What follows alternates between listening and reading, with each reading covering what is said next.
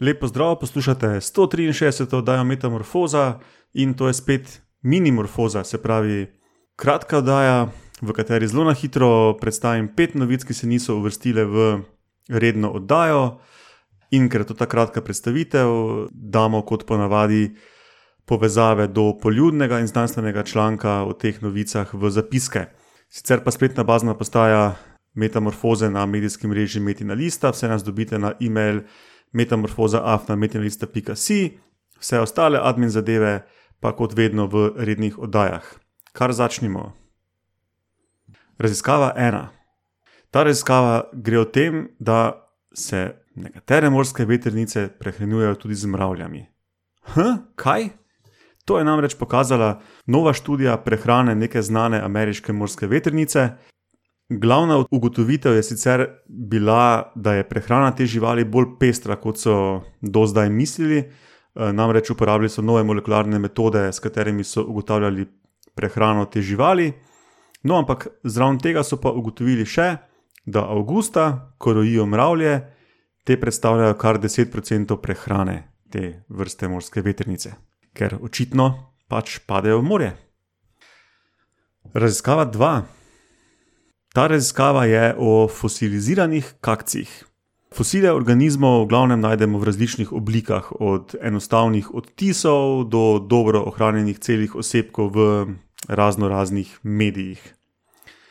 V novi raziskavi pa predstavljajo hrošča z znanstvenim imenom Triamixa caprolitica izpred 230 milijonov let. Fosile teh hroščev so našli nikjer drugje kot v fosiliziranem kakcu dinozaura. Ta fosiliziran kakec se je izjemno dobro ohranil in s tem ohranil tudi hrošče, ki so se prišli hraniti na ta kakec. Raziskava 3. Dobro je dokumentirano, kako se organizmi odzivajo na spremenjene okoljske razmere zaradi globalnega segrevanja. Praktično neraziskano pa je, ali se spremenjajo tudi lastnosti živali, ki so podvržene spolni selekciji, ne samo običajni naravni selekciji. No, v novi študiji so raziskali vpliv globalnega segrevanja na pigmentacijo kril pri kačjih pastirjih.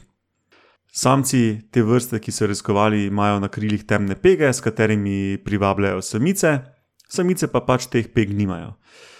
Eh, z višjimi temperaturami se pege pri samcih izgubljajo, s tem pa se spremenja tudi izbira partnerjev.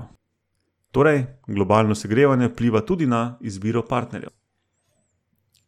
Raziskava 4. Ta raziskava je nekaj za tiste, ki niso jutranji ljudje pri tej raziskavi gre za kofein, do neke mere. No. Namreč več rastlin vsebuje nektar s kofeinom, in hipoteze so, da kofein vpliva na opraševalce. V novem članku so črlje izpostavili sladkorni hrani s kofeinom in s cvetnimi dišavami. Se pravi, črlji so jedli neko sladkorno hrano, ki je imela nek uh, cvetni von, in nekateri črlji so imeli v hrani tudi kofein. Tisti črli, ki so imeli dodatek kofeina, so kasneje v eksperimentu te dišave bolj privlačile kot tiste črlje brez kofeina. In še raziskava pet. Do začetka tega tisočletja so žirafe veljale za sesalce brez posebne družbene zgradbe, brez posebnih socialnih odnosov. V zadnjih dveh desetletjih pa vedno več raziskav kaže nasprotno. V nedavni raziskavi so pregledali 404 že objavljene članke o socialni strukturi žiraf in naredili neko metaanalizo, v kateri ugotavljajo, da imajo žirafe vse karakteristike kompleksnega socialnega življenja z visoko stopnjo sodelovanja med osebki. Um, na nek način so podobne slonom, ker tudi skupine žiraf, podobno kot pri slonih, vodijo samice.